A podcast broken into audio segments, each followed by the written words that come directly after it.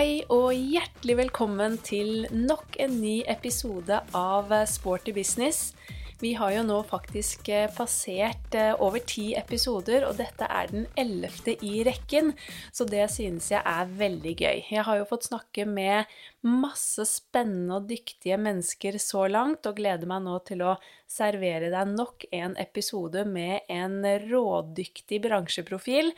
Men før jeg røper hvem det er, og snakker litt mer om dagens tema, så tenkte jeg at jeg bare ville si at jeg syns det er så fantastisk at bransjen vår har klart å holde åpent enn så lenge, så langt inn i denne høsten. Dessverre har jo noen sentre måttet stenge ned i korte perioder, og det viser jo hvor viktig det er at vi alle tar ansvar, at vi tar disse smittevernreglene og anbefalingene på alvor, og jeg håper at vi kan klare å fortsette å gjøre den gode jobben vi gjør hele veien fremover, sånn at vi kan ha åpne treningssentre og levere masse treningsglede hele veien frem til jul.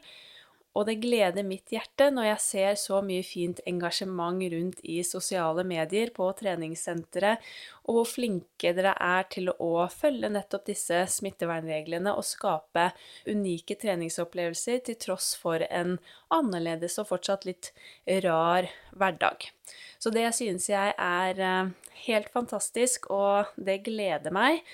Så jeg håper jo at denne høsten blir så fin som overhodet mulig for alle sammen.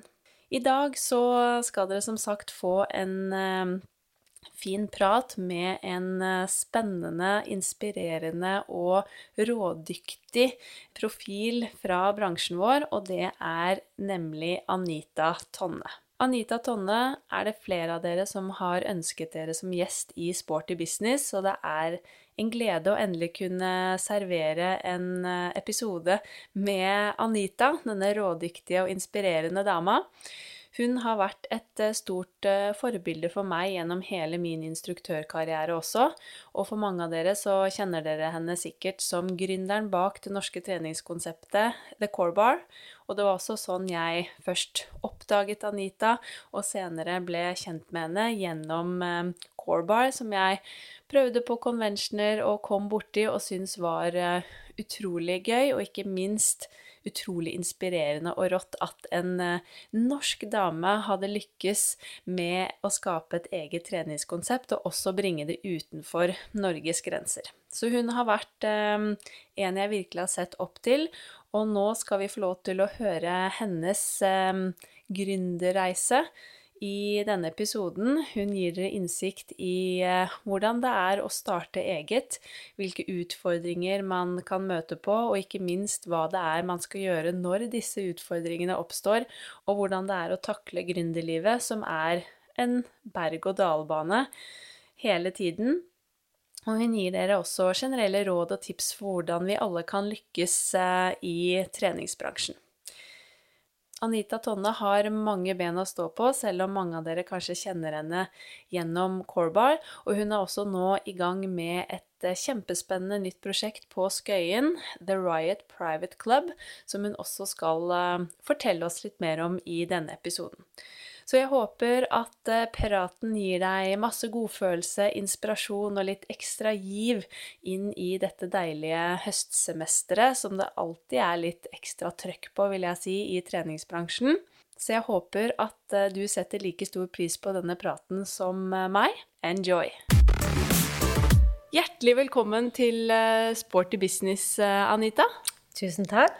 Veldig hyggelig, og ikke minst, eh, jeg setter stor pris på at du har tatt deg tid til å stille opp i denne podkasten nå i innspurten av oppstarten av et nytt prosjekt. Ja.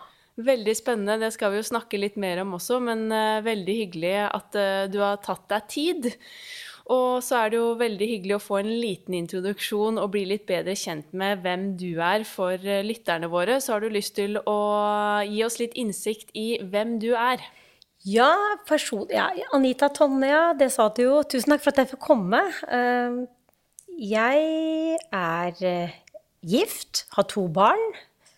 Og så bor jeg på Svartskog. Det er sikkert ikke så mange som har hørt om.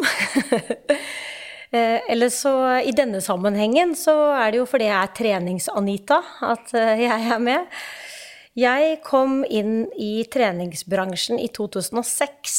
Eh, det vil si fulltid. Før det så hadde jeg vært gruppetreningsinstruktør helt siden jeg var 17 år. Nå er jeg 46, så da kan du regne ut det selv. Men, og jeg kom først og fremst inn i treningsbransjen fordi jeg ble ble og er helt forelska i den fortsatt, nyforelska i den energien som er i den bransjen. Så fra å jobbe i Telenor med liksom summetonen og internettforbindelser, så ble det egentlig et ganske lett valg for meg å gå inn i denne bransjen. Men på det tidspunktet så hadde jeg ikke så lyst til å jobbe på et vanlig treningssenter. Jeg hadde heller lyst til å være med og bidra og utvikle noe. Så jeg bestemte meg for å lage et eget treningskonsept som den gangen hørtes helt umulig ut. Ehm, men ehm, det resulterte i det konseptet som da heter Corebar, eller The Corebar, som er merkevarenavnet. Og det tenkte jeg at jeg kanskje kom til å holde på med i sånn eh, Ja, jeg hadde vel en femårsplan, men det ble 14.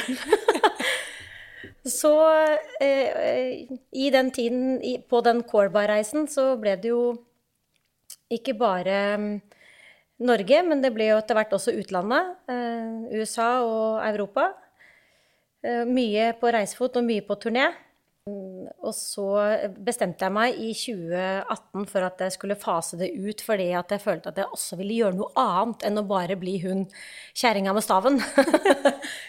Så da begynte jeg å fable litt med hva, liksom skulle, hva skulle det neste prosjektet være. For Corbar er jo et uh, gruppetreningskonsept hvor hele filosofien var at det skulle, ha, det skulle være en opplevelse, en treningsopplevelse. Uh, ikke bare et produkt å komme på en Corbar-time. Så det var den grunntanken vi jobbet med hele tiden. Fun, have fun, train hard or go home var jo statementet vårt. Eh, det jeg innså etter hvert, var at jeg ikke kunne kontrollere den totalopplevelsen. Fordi at et, en treningsopplevelse starter før du kommer inn på selve gruppetimen. Så den starter liksom i ditt første møte med et treningssenter. Og så er det ganske mange ledd i veien på den kundereisen før du kommer inn i gruppetreningsrommet. Og så er det en del ledd også etter at du går ut av det gruppetreningsrommet. Så ideen bak det nye konseptet nå, det er jo først og fremst å ta kontroll på hele kundereisen og hele kundeopplevelsen og gjøre den optimal. Mm. Spennende. Hvordan var det du egentlig da havnet i treningsbransjen? Fra å, som du sier, eh, Telenor med summetone, til å plutselig da bli eh, gründer innenfor treningsbransjen, og da etter hvert kun jobbe med trening på fulltid. Hva var første steget inn? Det var at jeg merket at selv etter lange dager på Telenor, eh, hvor jeg jobbet i markedsavdelingen, så hadde jeg Gledet jeg meg like mye hver gang til å ha en gruppetime. Eh, så selv om jeg var sliten, så kunne jeg gå inn i en gruppetreningssal og gå ut derfra med masse energi. Og da tenkte jeg tenk om jeg kunne ha det sånn hele tiden. så det var vel liksom første, første steget. Og så var det det jeg sa i stad, om at jeg ikke liksom hadde, Det var ikke noen arbeidsplasser eller steder jeg egentlig kunne tenke meg å jobbe, så jeg tenkte at da måtte jeg skape den arbeidsplassen selv. Så hadde jeg jo i Telenor for så vidt eh, liksom, hatt ansvaret for mye Komme opp med ideer eh, innenfor PR og kommunikasjon i markedsavdelingen. Jeg hadde en litt sånn innovativ rolle, så jeg dro vel liksom på en måte med meg den jeg identifiserer meg egentlig ikke som en gründer, jeg vet ikke hvorfor, men jeg forbinder det med sånne tech-folk som liksom finner opp hjulet og lyspæra og sånn. Så, så, men allikevel den derre skaperånden og den utviklingsånden og det derre med å synes at det er gøy å løse problemer. Mm. Istedenfor å bli trykket ned når utfordringen kommer, så blir jeg sånn Ja, nå får jeg masse mye mer energi! så det var vel å dra med seg alle de tingene videre. Mm. Mm. Du nevnte jo dette med energien i denne deilige treningsbransjen, og jeg pleier å kalle det for verdens beste bransje. Og det er veldig gøy, for alle jeg hittil egentlig har intervjuet i denne podkasten, de nevner jo nettopp dette med masse passion, energi, folkene som jobber i bransjen. Er det andre ting du ser på, eller hva er det du tenker på som er det aller beste med treningsbransjen i dag, og den jobben du har i bransjen? Ja, utenom det du nevner akkurat nå, som jeg deler mm. med deg, da, så er det jo også at bransjen er litt umoden. den er ganske ny, sånn sett i det store verdensbildet. Så da tenker jeg at eh, når den er litt umoden, så får man lov til å være med å forme den litt. Sånn fra å bli barn til ungdom til voksen. så eh, det er vel der jeg også ser at liksom, ja, det her kan jeg bidra til å gjøre noe med. Eh, ikke at jeg, liksom, jeg har aldri hatt en ambisjon om at jeg liksom skal være med å snu hele bransjen opp ned på hodet. og sånn, Det er ikke der det ligger. Men eh, de små prosjektene som jeg gjør, da, kan i hvert fall bidra til å gjøre en forskjell for noen. Mm.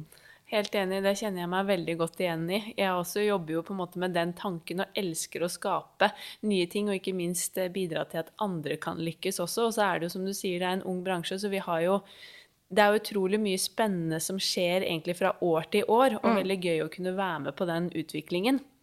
Men du har jo allerede nevnt dette med Corebar. Jeg tror jo mange kjenner Anita Tonne som gründeren bak dette norske treningskonseptet. Og jeg husker selv når jeg begynte som instruktør i 2008, så leste jeg da omkring 2008-2009 i et eller annet blad, husker jeg, om denne gründeren bak dette nye treningskonseptet. Og jeg var jo da bitt av basillen som gruppeinstruktør. Hadde jo allerede vært på noen konvensjoner og tenkte at shit, dette skal jeg få til en eller annen gang også. Eller jeg hadde lyst til å skape noe og syntes at dette her var veldig gøy fra første gang jeg leste om det. Så kan du ikke fortelle oss litt mer om liksom selve starten av Corbar og historien og hvordan det utviklet seg? Ja, da får jeg jo ta sånn, eh, litt den kjappe versjonen, da, siden vi snakker om 14 år her. Men Helt i starten så var det Når jeg etablerte AS-et, liksom selskapet, så sa jeg til mannen min at um, jeg turte jo ikke å si til han at jeg hoppet av Telenor-karusellen, hvor jeg egentlig hadde en, liksom en framtid og en karriere, da. Um, og så skulle starte helt fra scratch uten noe, uten noe lønn. Ja. Så jeg startet jo selskapet først. Så var, jeg opererte etter en sånn lettere å be om tilgivelse enn tillatelse. Jeg bør jo kanskje ikke gjøre det igjen. Eh, nå har jeg vært sammen med han siden jeg var 17, sånn at vi har vært gift i mange år, og det er ganske solid, så det, det gikk jo bra. Men eh, han var jo ikke sånn overbegeistret for tanken om at eh, nå skal jeg plutselig bytte bransje og starte helt i et nytt farvann. Um, men jeg sa, lovet han at hvis jeg ikke kunne ta ut min første lønn før det hadde gått tolv måneder, Eh, så skulle jeg kaste det på båten. Så jeg sikra meg i Telenor og fikk innvilget et års permisjon uten lønn, så jeg kunne gå tilbake hvis, jeg, hvis det ikke lykkes, da. Ja. Så, men det var jo sånn at jeg tok ut min første lønn akkurat når det har gått tolv måneder, så da var jeg liksom akkurat innafor til å kunne fortsette. Og det var jo da det på en måte begynte å bli gøy. Mm. Eh, for det er ikke alltid det er så gøy å starte opp eh, har, Det er veldig gøy å planlegge eh, oppstarten, og så står man der, og så skal man gjøre sitt første salg eller åpne døra til et nytt senter, og så Oi, jeg har ikke noen kunder! så men eh, da på det tidspunktet så gjorde jeg jo alt selv. Ehm, og selve produksjonen av Corbar-utstyret gjorde jeg jo i Norge på en eh, fabrikk som drev egentlig med bare maskiner. Så jeg kom med en gul Post-It-lapp og hadde tegna en bøyd stang som skulle vektes. Jeg visste ikke helt hvor mange vekter den skulle uh, produseres i, men jeg prøvde meg på to-tre forskjellige vekter, og så måtte jeg teste det ut. Og så var det jo en tanke, det spørsmålet her fikk jeg jo veldig, veldig ofte uh, de to første årene. Uh, hvorfor er den vektet, og hvorfor er den bøyd? Mm. Da var det jo fordi at jeg Kårbar skulle jo rent fysisk handle om core-trening. For i 2006 så var det jo veldig mye snakk om Da var jo det det nye buzzwordet, at liksom alle skulle trene core. Men det gikk jo på hvor lenge du kunne stå i planken, først og fremst. Så jeg hadde en idé om at core-trening måtte dreie seg om noe mer enn å stå i planke.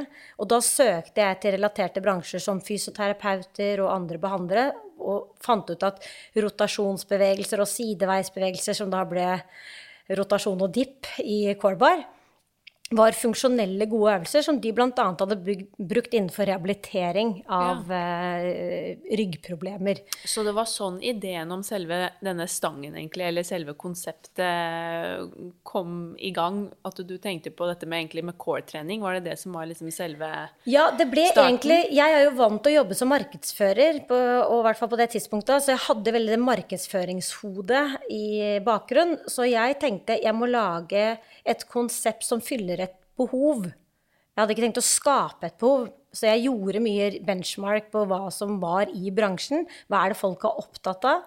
Altså var det bransjen opptatt av, og var det kundene på treningssenteret opptatt av? Så da ble det ganske innlysende at det var core. Det var full pakke. Man skulle trene ikke bare kondisjon lenger. Tidligere hadde vi disse workout-studioene, liksom Jane Fonda, eh, og disse tradisjonelle løftegymmene. Men så kom jo den kommersielle treningsbransjen og smeltet disse to verdenene sammen. Så jeg tenkte at det, må, det, måtte være både kondisjon og styrkeelement i det, og det måtte ha core-trening som utgangspunkt. Eh, men for meg så handlet det liksom ikke bare om det treningsfysiske, det handlet, det handlet også om dette jeg snakket om med treningsopplevelse. Det måtte være gøy. Sånn at eh, hvordan kunne jeg liksom eh, få funksjonell trening til å bli morsomt. Men allikevel hardt nok til at det ga resultater. Så det var liksom en ganske lang kravspekk. Og det selve fysiske utstyret, altså corebaren i seg selv, kom som en konsekvens av det. Fordi fysioterapeutene fortalte meg at jeg hadde brukt kosteskaft ja. eh, i mange år. Og så spurte jeg det, ja, men hvorfor det? Jo, og så viste de meg rotasjon og sideveisbevegelse sånn. Så tenkte jeg, ja, men hvorfor er den ikke bøyd? Fordi når du har den helt rett, så får du en spenning mellom eh, skulderbladene, og som går opp i nakken. I hvert fall hvis du skal gjøre det over tid. Mm. Ja, det var det ingen som kunne gi noe svar på. Det var liksom det utstyret man hadde tilgjengelig, var det kosteskaftet. Og sånn ble ideen om selve ja. til. Derfor ble den bøyd. Ja.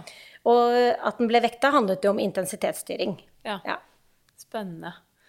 Men eh, når var det selve denne corebar-reisen startet? Hvor lenge, lang tid brukte du på å planlegge det eller eh, pønske på det før du turte å liksom ta steg Eller når lanserte du det for treningsbransjen? Den startet det året jeg gikk hjemme med sistemann, eh, som i dag er 16. Eh, da, det permisjonsåret jeg hadde da i 2005, det gikk med til planleggingen. Ja. Så når jeg var ferdig med permisjonsåret, så ble selskapet starta, og så var jeg i gang. Og den første ansatte, det var jo selvfølgelig mamma. For du finner jo ikke noe mer lojal medarbeider som er villig til å gå noen ekstra mil for veldig dårlig lønn. så så hun eh, ble først ansatt etter et år, og hennes motivasjon for å bli ansatt hos meg var jo at vi kunne drikke kaffe sammen oftere. det hadde jo ikke jeg tid til. Så det ble jo eh, Jeg kjøpte inn pulverkaffe, for vi hadde jo ikke råd til noe annet. Så hun var ikke så fornøyd over pulverkaffen, men, eh, og ikke at jeg hadde så dårlig tid heller, men hun tok nå i hvert fall ansvaret for fakturering og utsendelse av kålbærer. Ja. Hvordan gjorde du det i starten? Hvordan lanserte du, eller hvordan eh, tok du kontakt med treningssenteret? Hvordan gikk du frem? Min eh, lanseringsstrategi var jo eh, tillært fra Telenor. og i kraft av at jeg har tatt ut, min akademisk lengste utdannelse, er innenfor det. Så jeg eh, tok kontakt med de mediene som jeg mente nådde publikum, altså brukerne. Mm. Fordi jeg tenkte jeg måtte skape en buzz både blant de som skulle komme til treningssentrene, eh, og det var like viktig som å ta kontakt med treningssentrene, som skulle være de som kjøpte ut Eller konseptet, da. Så eh, jeg brukte da ShapeUp eh, i form, eh, og det, det er jo ikke så ofte, i hvert fall ikke på det, det tidspunktet. I Norge da så hadde det eneste gruppetreningskonseptet vi hadde da, var jo Les Mills. Så at det kom noe nytt da, det gjorde at det var veldig lett å få omtale. Så jeg har leid inn en fotograf, sånn at vi fikk litt ordentlig kule bilder. Eh, og det var jo magasinene veldig fornøyd med. Da var det også lettere å sette det på trykk. Og så lagde jeg en story som var tilpassa det, det, enkelte mediet. Det er for så vidt på samme måte som jeg jobber i dag når jeg skal gjøre et eller annet ut mot media. Og så jobba jeg med én-til-én-salg mot treningssentrene. Jeg møtte opp, jeg kjørte en demotime jeg hadde møte med daglig leder. Ja. Uh, og så ble det jo litt sånn ikke sant, at når du får de første, så vil de neste.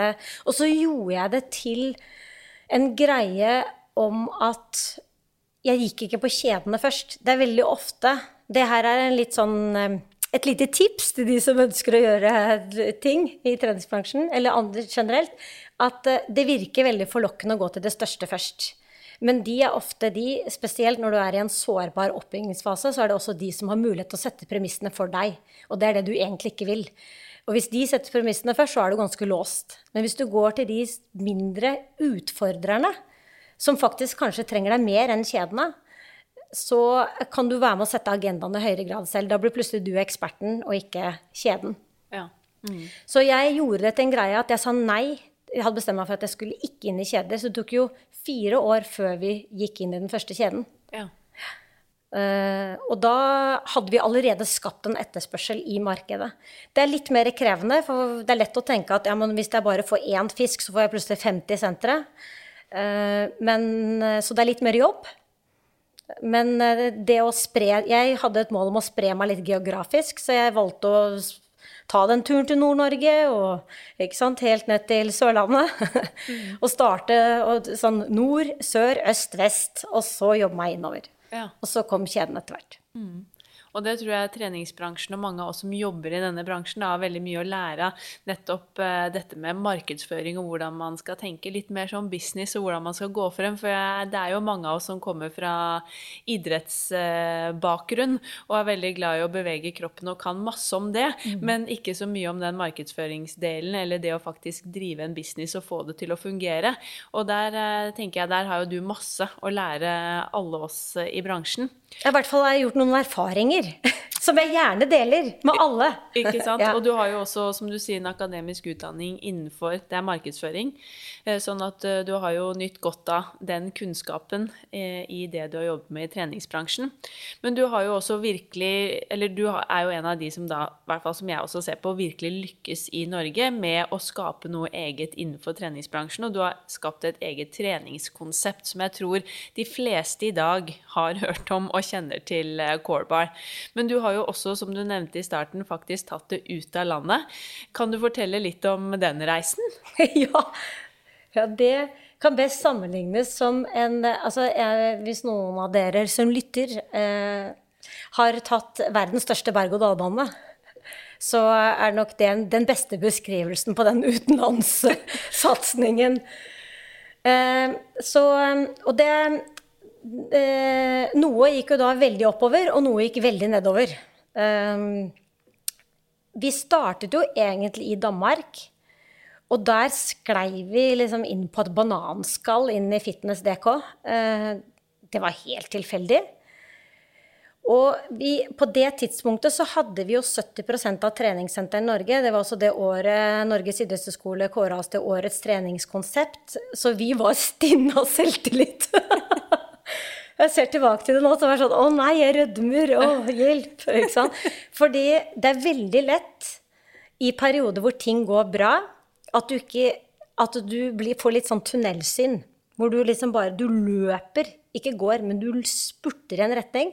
Og det er ikke måte på hvor mye energi du har. Du, har, du kan spurte en langdistanse.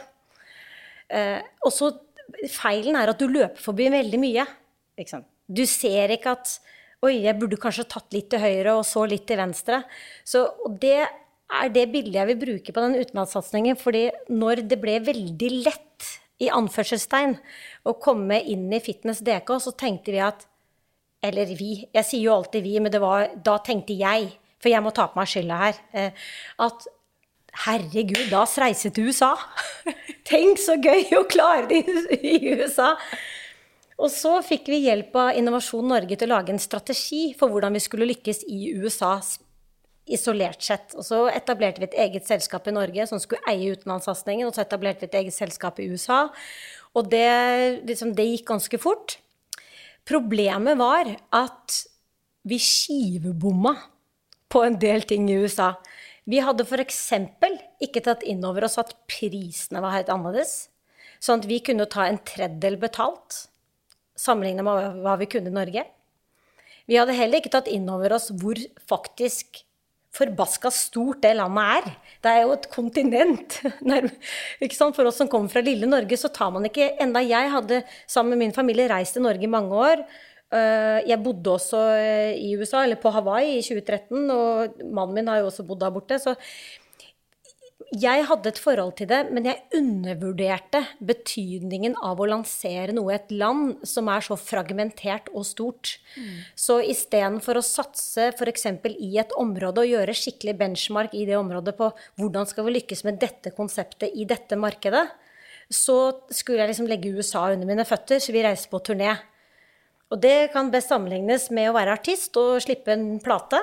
Mm. Uh, hvor du reiser rundt fra convention, som du har et forhold til, convention til convention. hoppe rundt med den stanga på scenen. Det kunne være alt fra ti deltakere Vi skjønte ikke hvorfor ikke vi fikk flere. til å være 1000 ikke sant, på Idea World Fitness Convention. Uh, og så uh, er det jo sånn Liker de låta di, da? Ikke sant, Som du ville gjort som artist? Eller liker de denne stanga, og så kjøper de eller kjøper de ikke? Og så sto vi på stand og jobba døgnet rundt, da. Vi skrudde jo standen selv opp og ned, og vi fløy jo fram og tilbake. Ikke akkurat på business class. Etter hvert gjorde vi dem, da hadde vi så mange poeng. så det ble mye sånne turer på monkey class. Men det sliter jo også, ikke sant. Så det jeg sier man dette her med å konsentrere satsingen, eh, undervurdere betydningen av det, eh, undervurdere betydningen av hvor mye slitasje det faktisk er på teamet, på oss som mennesker. Mm. Å farte 12-14 ganger i året frem og tilbake i et land hvor du har tidsforskjell, hvor kulturen er annerledes, eh, hvor du skal gjøre all jobben selv. Mm. Eh, du ikke har noen til å hjelpe deg. Det, totalen av det ble eh, relativt katastrofalt. Eller altså, vi kom jo i live ut av det, så må ikke misforstå meg, men men eh, økonomisk sett så var det en boost først, og så gikk det rett til kjelleren. Og det handler om mange ting. Det handler også om at vi ikke kvalitetssikret godt nok. Og det er det jeg mener med å løpe fort uten å se til høyre og venstre. Kvalitetssikret godt f.eks. distribusjonspartneren vår, som gikk konkurs like etter at vi eh, signerte avtale med dem. Ja. Så det er mange faktorer som, som, gjør at eh, det ble først en opptur og så en gedigen nedtur. Men ja. Men var dere i Danmark og andre nordige eller andre land i Skandinavia, eller var det Danmark og rett i USA? Det var Danmark og rett til USA. Ja. og da tenkte vi at da kunne vi ta Sverige også, men Sverige ville ikke ha oss. det var ingen i Sverige som ville ha oss. Og jeg vet ikke hvorfor.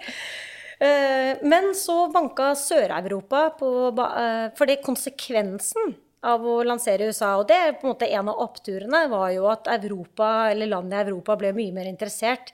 For da var det ikke bare et norsk konsept lenger. Da mm. var det jo også Oi, The Big America. Dette må vi se hva er. Så når vi sto på Idea World Fitness Convention og URSA, så var jo det typisk arenaer for å åpne det europeiske vinduet også. Mm. Eh, så da meldte jo Spania og Italia og Hellas og litt sånne rare land egentlig, som vi egentlig ikke hadde tenkt noe særlig på. Men i Italia ble det jo en suksess. I Spania klarte vi også å få det til. Eh, Hellas gjorde vi det ikke. Eh, så ja. Mm. Utrolig spennende. Det er jo en berg-og-dal-bane, som du sier. Og det er jo, kan i hvert fall jeg skrive under på, at gründertilværelsen generelt er preget av mange opp- og nedturer. Men nå er jo da Corbar eh, solgt, mm. men det lever videre. Har du lyst til å si litt om uh, hvordan det står til med Corbar i dag? Ja, da vil jeg snakke om Mona Nyhagen. Jeg er en av hennes største fan, og det er Mona Nyhagen som nå leder dette Corbar-toget videre. Og det er takket være Mona, eh, vil jeg si, i stor grad. Eh, fordi eh, tanken min var å fase det ut fordi jeg var klar for noe nytt. Og det forberedte jeg teamet i Corbar på også. Vi hadde jo sånn tårevåt avskjedigelse med det, hvor vi var sammen en langhelg og gjorde masse gøy. Men jeg, jeg, jeg, forsonet meg jo kanskje først med den tanken. Veldig raskt. Um, men uh, Mona har vært Korbar-instruktør siden 2008 og elsker det om uh, mulig høyere enn noen gang. Uh, og hun sa at nei, jeg vil ikke at Korbar skal dø. kan ikke vi bli enige om noe? Ja. Og jeg sa selvfølgelig. Så sånn startet samtalen mellom meg og Mona, og vi snakker med hverandre støtt og stadig. Og hvis det er en jeg virkelig heier på, så er det henne, for hun er tøff, altså. Ja. Og eh, som vi diskuterte òg, at eh, forutsetningen for å dra Kolba videre er jo at man finner en ny forretningsmodell. Mm. Eh, og det har hun klart. Ja. Så. Det er jo veldig hyggelig og veldig gøy at det fortsatt lever videre. Synes jeg også. Jeg elsker å se alle aktivitetene hun gjør. Hun er mye flinkere enn meg i sosiale medier. Herlig. Men tilbake til dette med denne gründerhverdagen. For jeg vil jo si at du egentlig befinner deg i den fortsatt. Eh, du skal jo snart eh, starte nå et fysisk senter som vi skal snakke litt om. Men før det, så du har jo allerede nevnt at det er opp- og nedturer hele veien. Har du noen erfaringer å dele med oss, og litt sånn i forhold til jeg tenker på hvordan du har du opplevd å være kvinnelig gründer i treningsbransjen opp gjennom disse årene? Det har jeg aldri tenkt over. Nei. Altså, jeg, om jeg hadde kvinne eller mann eller hvilken legning jeg har, eller om jeg er svart eller gul, eller Nei, jeg har egentlig ikke det. Det opplever egentlig jeg også, at i treningsbransjen så er det veldig Jeg føler det er så veldig likhet. For, og det er et veldig mangfold. Jeg hører Ja. så ofte andre bransjer som snakker om dette med at det f.eks. For fortsatt er store kjønnsforskjeller. Og tenker jeg herlighet, jeg har aldri tenkt på det i treningsbransjen. Ikke jeg heller. Og mange kvinnelige ledere, vil jeg også si, i treningsbransjen, kanskje kontra andre bransjer. Ja, og i næringslivet generelt. Altså min svigerinne Hilde Merete Tonne, som eh, har sittet i konsernledelsen i Telenor, og som holdt jeg på å si, jobber i det toppsjiktet der. Det, I den, i den, den delen av næringslivet så snakker man om det berømte glasstaket for kvinner. Det har jeg aldri opplevd i treningsbransjen. Nei, jeg er helt enig. Aldri vært utsatt for metoo heller. Nei. Nå sier jeg ikke at ikke noen andre har vært det, eh, så, men jeg personlig eh, holdt jeg på å si, har ikke vært det. Eller kjent det på kroppen. Nei, det er godt. Men hvordan er det å ha skapt sin egen arbeidsplass i treningsbransjen? da? Hvordan er selve gründertilværelsen? Fordeler og ulemper? Hvilke erfaringer kan du dele med de som hører på? Fordelen, altså Jeg vet ikke om det er sånn treningssenterbransjen spesifikt, men fordelen er jo at du former hverdagen din selv. Og så er det liksom en sannhet med, med visse modifikasjoner, fordi ja, du former den selv, men på en annen side så blir du også offer for den. Eh, Så du tror du kan bestemme arbeidstiden din selv, men resultatet og konsekvensene er jo at du har følelsen av å jobbe døgnet rundt. Men igjen så har du kanskje valgt å jobbe med det som gir deg masse energi og glede. Og når livet generelt består av så mye jobb, eh, så, så er det i hvert fall en fordel at du har en jobb du trives så godt med at du kan jobbe veldig mye. Det er helt klart. Og nå er du i gang da med dette nye prosjektet som vi allerede har nevnt. Og vi sitter jo nå på ja, toppen av det. Takterrassen på Ja, takterrassen av dette nye og spennende prosjektet. Har du lyst til å fortelle oss om det, og når det åpner? Åpningen av det som skal hete The Riot eh, Private Club, åpner eh, mellom 15.9. og 30. Jeg tør jo ikke være så spesifikk på dato, for vi har jo, vet jo hvordan det er. Eh, Men hvis alt Det ser jo ut som alt er i rute og at vi har kontroll nå, så da håper vi at vi åpner 15.9. Og det er, og skal bli, Eh, Det er et eksklusivt privat og personlig treningsstudio med basseng og spafasiliteter. På Skøyen, Harbids torg. ja. Hva er ideen, eh, tanken bak selve konseptet? Har du lyst til å ta oss litt igjennom det? Hva er det som er unikt med The Riot? Det er egentlig det som ligger i parolen, den parolen vi opererer under, at det er personlig og privat. Og så er det jo andre studioer som også handler om trening, som, eh, som vil kunne si det samme. For oss så er det først og fremst ikke én ting du kan si at å ja, det er derfor de er annerledes. Men det er denne som jeg innledningsvis da i denne podkasten snakket om, den totale kundeopplevelsen fra altså før, under og etter trening. Eh, Så vi har gått gjennom hele den kundereisen, altså delt den opp, og så har vi sagt hvordan kan vi være litt bedre på det? Hvordan kan vi være litt bedre på det? Og så hvis alle de leddene er litt bedre, så vil det totalt sett oppleves som en stor forskjell. Ja. Det er en spennende tanke, for det tror jeg det er mange i bransjen som kanskje glemmer. For du tenker jo at ja, men jeg skal skape en unik opplevelse i den gruppetreningssalen eller eh, i studio med PT-kunden. Og som du sier, det er jo faktisk en helhet her, i hvert fall hvis du skal skape den totalopplevelsen fra det du ja, kanskje allerede booker deg på timen hjemme til du kommer inn døra, blir tatt imot i resepsjonen. Hvordan er garderobefasilitetene? Hvordan blir du tatt imot av instruktøren? Hvordan er da f.eks. gruppetimen osv. Det er jo en helhet som må være på plass. Mm. Og det tror jeg veldig mange har eh, godt av kanskje tenke litt på, og tenke gjennom også for de som driver treningssentre, at man skal prøve å gjøre det for det første så sømløst som mulig, men skape en opplevelse fra A til Å. Jeg er helt enig med deg, og jeg har jo jobbet litt som konsulent for, um, for, noen, for noen treningssenter også. Og det, da er det jo sånn jeg, Det er jo et spørsmål man stiller. Eh, fordi alle eh, som åpner nytt i dag, de åpner jo fordi at de tror de er best på noe. De skal skille seg ut på noe, da. Og da er det, da er jo alltid spørsmålet ja, hva er det som gjør dere unike? Og da er det jo sånn ja, men vi har jo den feteste utstyrsparken. Vi har jo bare utstyr fra sånn og sånn. Ja, men er det det? Ja, men hva, det må være noe mer. Fordi at hvis det bare er løpemølla di eller bare nedtrekksmaskinen din, så er det ikke det i seg selv som betyr noe for de som skal komme og trene. De har egentlig ikke noe sånn veldig Veldig få, i hvert fall, har veldig bevisst forhold til om det er fra den leverandøren eller den leverandøren. Så ja, at det er et ledd. At det er ett punkt. Ikke sant? Men kanskje ikke da nødvendigvis hvilket merke det er.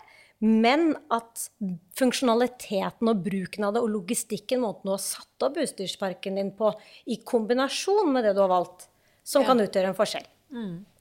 Men har du noen tips eller råd, eller hva vil du si til de som eh, jobber i treningsbransjen, og som kanskje har lyst til å ta steget og starte noe eget, som er helt i startgropa? Der ville rådene variert veldig avhengig av hva du skulle starte. Mm. Eh, men eh, hvis det er et eh, fysisk treningssenter, så vil jeg først og fremst sagt være bevisst på i, hvilken, i hvilket segment du starter. Er du i lavpris, eller er du i flerbrukssenterkategorien, sånn typisk Family Sportsklubb, Sats, er du i den? Eller er du butikk, eller er du i luksussegmentet? Mm. Så hvis du klarer å liksom Nei, jeg skal være i det segmentet, så ville jeg gjort en del benchmark på hva er det de andre tilbyderne i den kategorien eller det segmentet eh, tilbyr, og hvordan kan jeg fremstå som annerledes i forhold til de? Hva er det jeg vil være for hvem? Og der er det forskjeller. Er det, er det lokalbefolkningen, så må du jo ta hensyn til liksom, hva er det de lokale vil. Eh, eller er det, skal jeg operere i storbyer, så må du jo se på det. Så det skal man lage konsepter å levere til treningssenter, så er det en totally different ballgame. Mm. ja. Hvis man sitter med en eh, gründerspir i magen, enten om det da er å starte et fysisk senter, eller kanskje starte på egen hånd med enten alt fra et konsept eller eh, til å starte eget som PT og instruktør, kanskje, det kan jo være hva som helst, men så har man jo sikkert eh, i hvert fall de fleste tror jeg kjenner på denne lille frykten av å da gå all in. Har du noe råd og tips på hva man bør gjøre? Skal man virkelig stole på den magefølelsen? Ja, hvis. Og det er hvis du har gjort hjemmeleksa er godt nok. Fordi det er altfor mange som har liksom Å ja, men jeg føler at det her blir så bra. Det hjelper ikke å føle det. Du må vite, og, altså, og, da kan du aldri vite med 100% sikkerhet, men du kan redusere risikoen din hvis du har gjort hjemmeleksa di godt nok i forhold til budsjettering, eh, analyser av, av, Og det trenger ikke å være så komplisert. Det er ikke sånn at du trenger store analysebyråer for å gjøre det. Men det du må kjenne, analyser legger jeg i at du må kjenne bransjen, ha et bevisst forhold til hvor i bransjen er det du befinner deg? Hvem er kundene dine? Hva er det de vil ha? Hva er det de kjøper i dag? Hvordan ser kjøpsmønsteret ut? Altså, og du trenger ikke å være markedsfører eller skikkelig sånn, Det her er ofte kunnskap som man sitter på, men du må gjøre den hjemmeleksa. Og det tar, akkurat det der tar ganske lang tid. Og det er der jeg tror mange slurver litt. At man har liksom en god idé, og man føler at dette blir bra. Eh, men det hjelper ikke å bare føle. Mm. Ja.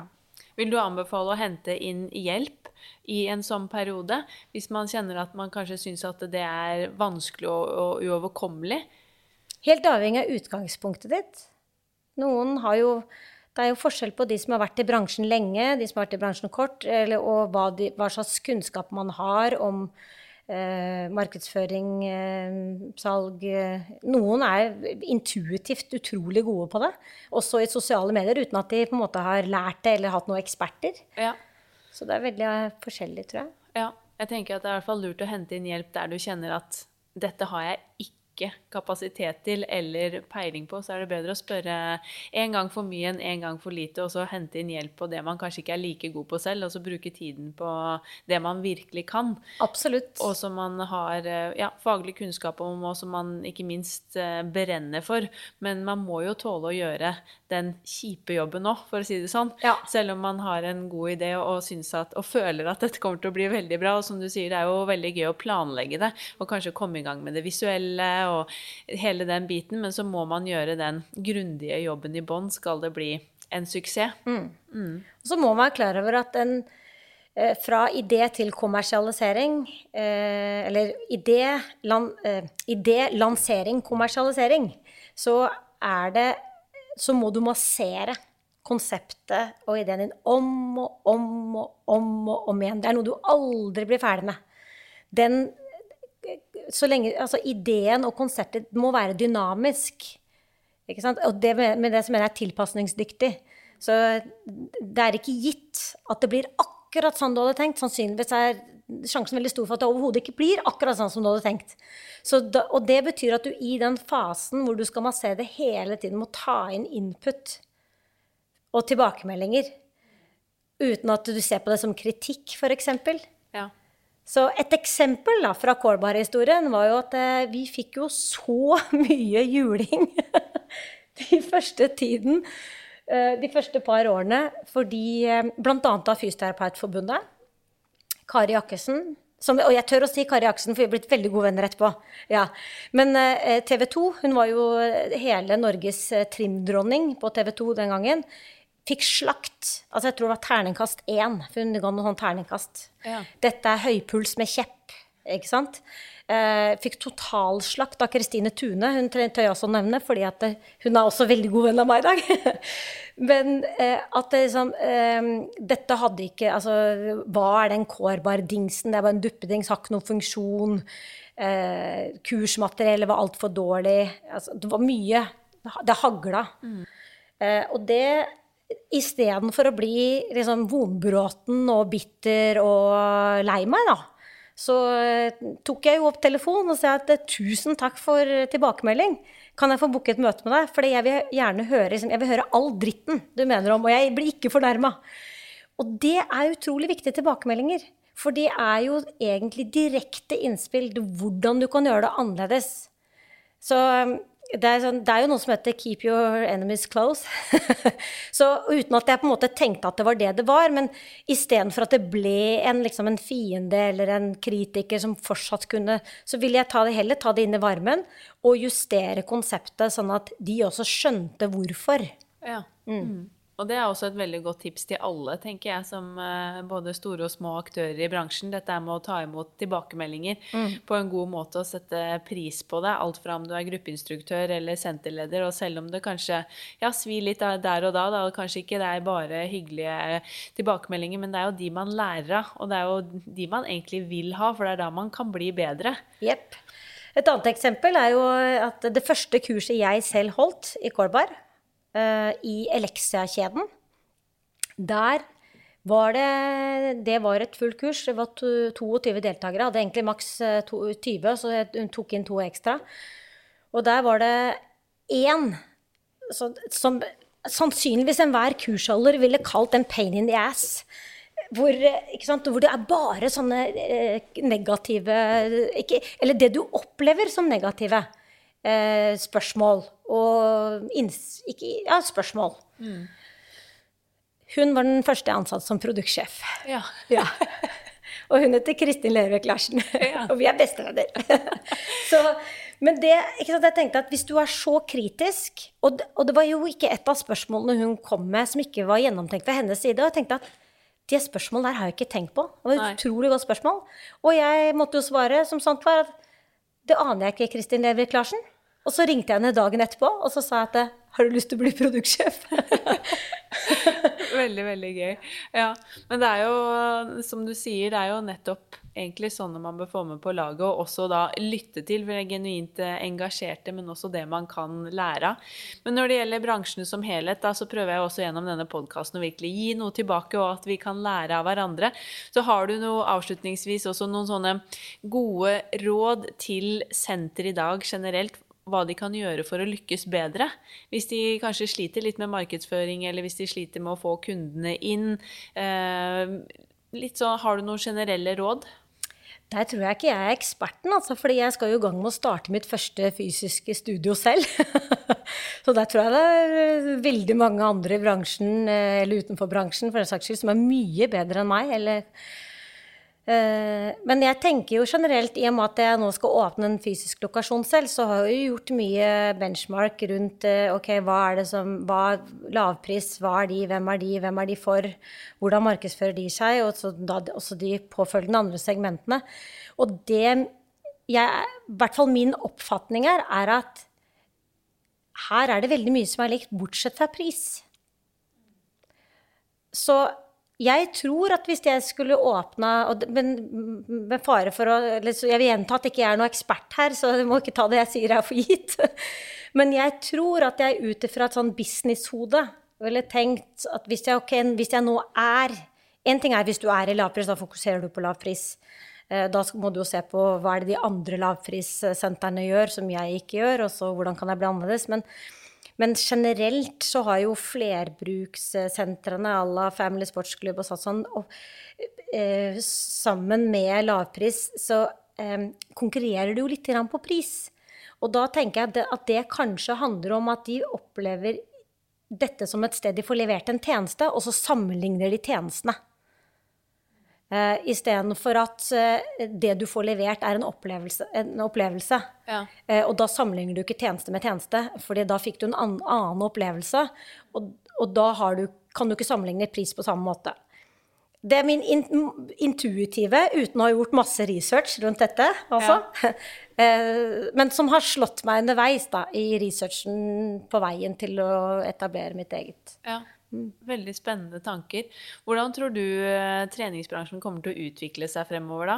Vi har jo snakket om i starten at det er en umoden bransje, så det skjer jo stadig noe nytt. Og utviklingen eh, går jo bare fremover. Har du noen tanker om hvordan denne bransjen kommer til å se ut om fem-ti år f.eks.? Hva blir det mer av, mindre av?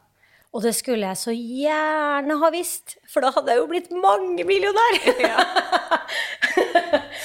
så Nei, jeg er jo ikke en sånn type som klarer å titte inn i krystallkula og se hva som skjer om fem til ti år. Jeg registrerer bare hva som er, og så er det jo eksperter som er gode på å spå en eller annen slags eh, framtid om hvilken retning vi går i. Men, eh, og alle snakker jo om eh, at altså det går mot digitalisering og teknologi og osv. Ja, gjør, jeg ser jo det når jeg skal velge leverandører nå, at det fins en jungel av aktører innenfor teknologi. Eh, men jeg tror vi aldri vil komme bort fra at det også handler om mennesker. Eh, og mellommenneskelige relasjoner. Så ja, det er fint med online-trening og digitale løsninger. Men eh, man må ikke glemme at vi mennesker trenger mennesker. Mm, helt enig. I episoden med Kjell Olav Engen så snakket vi om bruken av teknologi. Og da lekte vi oss litt med tanken om hva som skjer fremover. Og som Kjell Olav sa, at eh, hvem vet, kanskje man, instruktøren er et hologram eh, i fremtiden. Og da var det som jeg sa, at eh, jeg håper inderlig ikke jeg blir et hologram, for jeg er jo veldig glad i den de nære, gode opplevelsene. Og tror jo at uh, menneske, jo mer teknologi, så blir også mennesket enda viktigere. Og den medmenneskelige uh, kontakten. Så jeg uh, har jo veldig troa på at hvert fall sånn som ja, gruppetrening og PT og alle disse og kurs, nære relasjoner hvor du faktisk møter opp fysisk, kommer til å fortsette også, selv om det kommer til å bli kanskje mye annen teknologi og digitalisering. Ja, og jeg syns jo også at covid-19-perioden bekrefter litt det. At vi blir sultne på å både se hverandre igjen. Vi snakker, det er jo nesten ikke en dag uten at uh, jeg snakker med noen om at vi savner å gi hverandre en klem. Uh, så den nærheten, uh, behovet til mellommenneskelig nærhet, vil jo liksom ikke kunne erstattes av teknologi, men at teknologi kan bidra til å gjøre flere aktive og senke terskelen, ikke minst. Mm. Eh, definitivt. Ja, ja, helt klart. Vi har jo snakket mye om hva som er så bra med denne bransjen. Men eh, helt til slutt, har du noen tanker om hva mm, vi i bransjen generelt kan bli dyktigere på og flinkere på? Oi, det var vanskelig. jeg syns dere er så flinke. Eller syns vi er flinke. Er det noen tanker du har om hva vi kunne ha fokusert mer på, eller hva vi kunne ha gjort bedre? Jeg, og, og jeg savner jo litt um, å komme litt tilbake til den personlige servicen. Og så tenker jeg med en gang jeg sier det, så tenker jeg med en gang ja, men det er mange lokale treningssentre som er veldig flinke på det òg. Så det er sånn Ja, jeg vet ikke, men det um, Så ja. Nei, jeg er usikker faktisk på hva jeg skal svare på det spørsmålet. Ja. Og hva vi kunne, hva vi kunne blitt fordi Jeg syns det. Ja. Vi er jo veldig generelt opptatt av å spre glede og entusiasme. og det måtte jo være at uh, jeg kjenner flere og flere bransjer som på en måte brenner lys i begge tunnelene. Uh, altså Jobber man som personlig trener, eller man er gruppetreningsinstruktør etter jobb, i tillegg til jobb, eh, man jobber i resepsjon eller er daglig leder, så må man ikke glemme at det man egentlig selger, er overskudd, energi og helse. Eh, og da, hvis du skal være en god rollemodell, så kan du ikke brenne lys i begge tunnelene selv. Nei. Nei. Det er veldig sant. Og der håper jo jeg f.eks. dette med lønn kunne blitt litt bedre for alle aktørene i bransjen på sikt. Og også at det kan bli lettere for folk å jobbe fulltid som PT og instruktør, som trener. At det blir en profesjon i større grad. Det er jo heldigvis på vei, ja. men vi har fortsatt eh, en jobb å gjøre der. Og som du sier, at man eh, virkelig kan leve av å jobbe i denne fantastiske bransjen, så man slipper å måtte ha et ben innafor i alle mm. mulige leire. Mm. Definitivt. Akkurat det du sier om lønn, det kunne jo godt vært nevnt, så jeg er glad du nevnte det. Men uh, det, det er altfor store lønnsforskjeller mellom uh, gruppetreningsinstruktører og personlig trener, f.eks. Eh, det er også store individuelle forskjeller på PT-ene. Og det, jo, det, er jo gode, i mange tilfeller gode årsaker til det. Jeg tror at det har vært et av kriteriene da når jeg skulle starte Right Private Club, at, eh, at, eh, både at lønn skulle være mer forutsigbar, og det skulle ikke være noen annen post i det kostnadsbudsjettet som var høyere enn lønn. Nei. Og det handler om å vise at det er humankapitalen som er viktigst mm. når du skal drive eh, og tilby fysisk trening for andre mennesker. Så er det de menneskene som jobber på stedet, som skaper atmosfæren, som er den som leverer sluttproduktet ditt. Og hvis det ikke er de du setter mest pris på, så ja. Mm. Det blir jeg veldig glad for at du sier.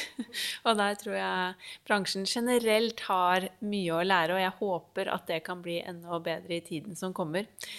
Men uh, siste spørsmål, som jeg også spør alle som er med i Sporty Business, uh, det er har du noen tanker eller ideer hvem jeg kunne ha intervjuet? Er det noen du har lyst til å sende stafettpinnen videre til, eller kunne tenke å høre i podkasten? Yes. Marianne Orderud. Markedsdirektør i Sats. Det er en bra dame, altså. Hun er en stor fan og beundrer.